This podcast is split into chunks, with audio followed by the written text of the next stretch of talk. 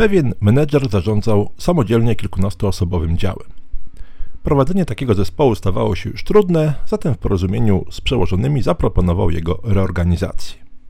W ramach działu utworzono sekcję i stanowisko jej kierownika. Do objęcia nowej posady kwalifikowały się w zasadzie dwie osoby z grona pracowników działu. Miały one dość podobne kwalifikacje i staż pracy.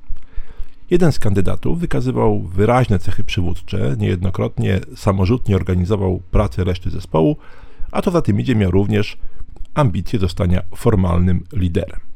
Drugi z rozpatrywanych pracowników nie był aż tak wyrazisty w kwestii przywództwa, miał raczej charakter introwertyczny, a w działaniu preferował schematy i procedury, ale był dobrym kolegą kierownika działu.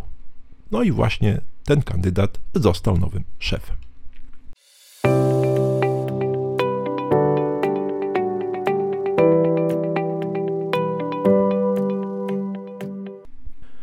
Po dokonaniu tej reorganizacji sytuacja w dziale zmieniła się diametralnie.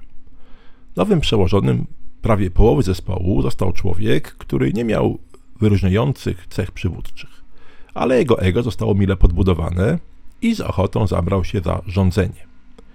Brakowało mu wprawdzie dojrzałości, stylu i wyczucia, ale kompensował to poleceniami i stosowaniem sztywnej korporacyjnej komunikacji.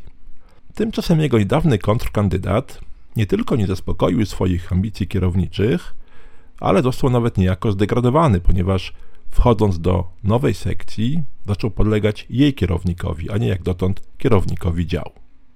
Boleśnie dotknięty w jego rozumieniu niesprawiedliwością, zaczął na każdym kroku kontestować polecenia nowego kierownika, wytykać mu niewiedzę czy błędy. Ponadto, kiedy tylko mógł, wchodził także w jego kompetencje. Wykorzystując swój naturalny talent do przewodzenia, skłaniał pracowników do innego wykonywania obowiązków. Jego działanie było przy tym czysto emocjonalne. Racjonalnie rzecz biorąc, nie miał w tym żadnego celu i też żadnego celu nie mógł osiągnąć, ale generował konflikt. W efekcie nowy kierownik nie miał szans na zbudowanie własnego autorytetu, będąc przez cały czas pod presją konkurenta. Był zestresowany, skupiał się na sprawach bieżących i nie miał czasu ani ochoty na rozwijanie swoich kompetencji menedżerskich. Brakowało mu także ikry, odwagi i umiejętności, aby zdecydowanie rozmówić się z byłym kontrkandydatem i przedstawić jasne zasady pracy. Na marginesie kierownik działu również nie palił się do wtrącenia w ten konflikt. Uważał, że sprawa już jego nie dotyczy i w gruncie rzeczy był zadowolony, że potencjalny problem zepchnął na barki podwładnego. Nie jest to sytuacja ani wyjątkowa, ani też specjalnie trudna do przewidzenia. Jej źródłową przyczyną była niedojrzałość i brak doświadczenia kierownika działu, który przeforsował na stanowisko szefa sekcji faworyzowanego kandydata.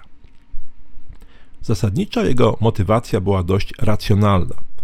Wolał on współpracować z kimś, kogo dobrze znał, kogo, jak sądził, nie trzeba będzie nadmiernie kontrolować, kto, mówiąc kolokwialnie, zabezpieczy mu tyły.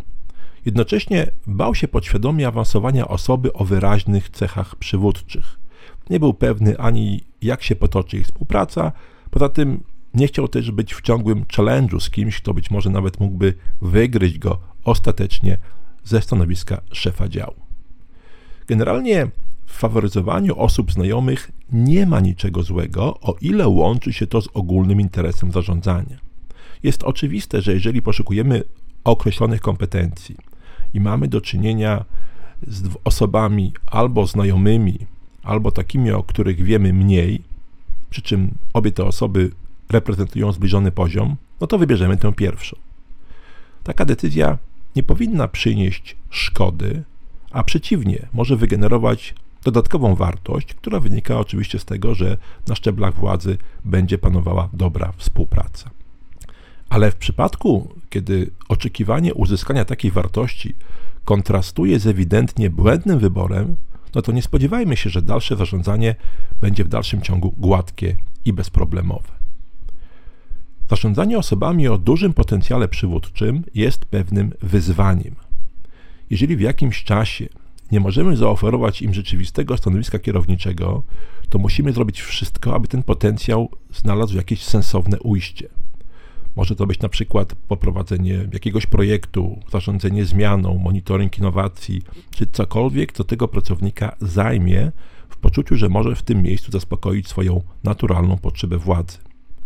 Jeżeli natomiast zbagatelizujemy taki potencjał, starając się za wszelką cenę wtłoczyć go w ramy standardowych zadań, to taki pozornie uśpiony wulkan wcześniej czy później wybuchnie, a ta niekontrolowana erupcja może przynieść katastrofę nie tylko danej organizacji, zadaniom czy projektom, ale również samym kierownikom.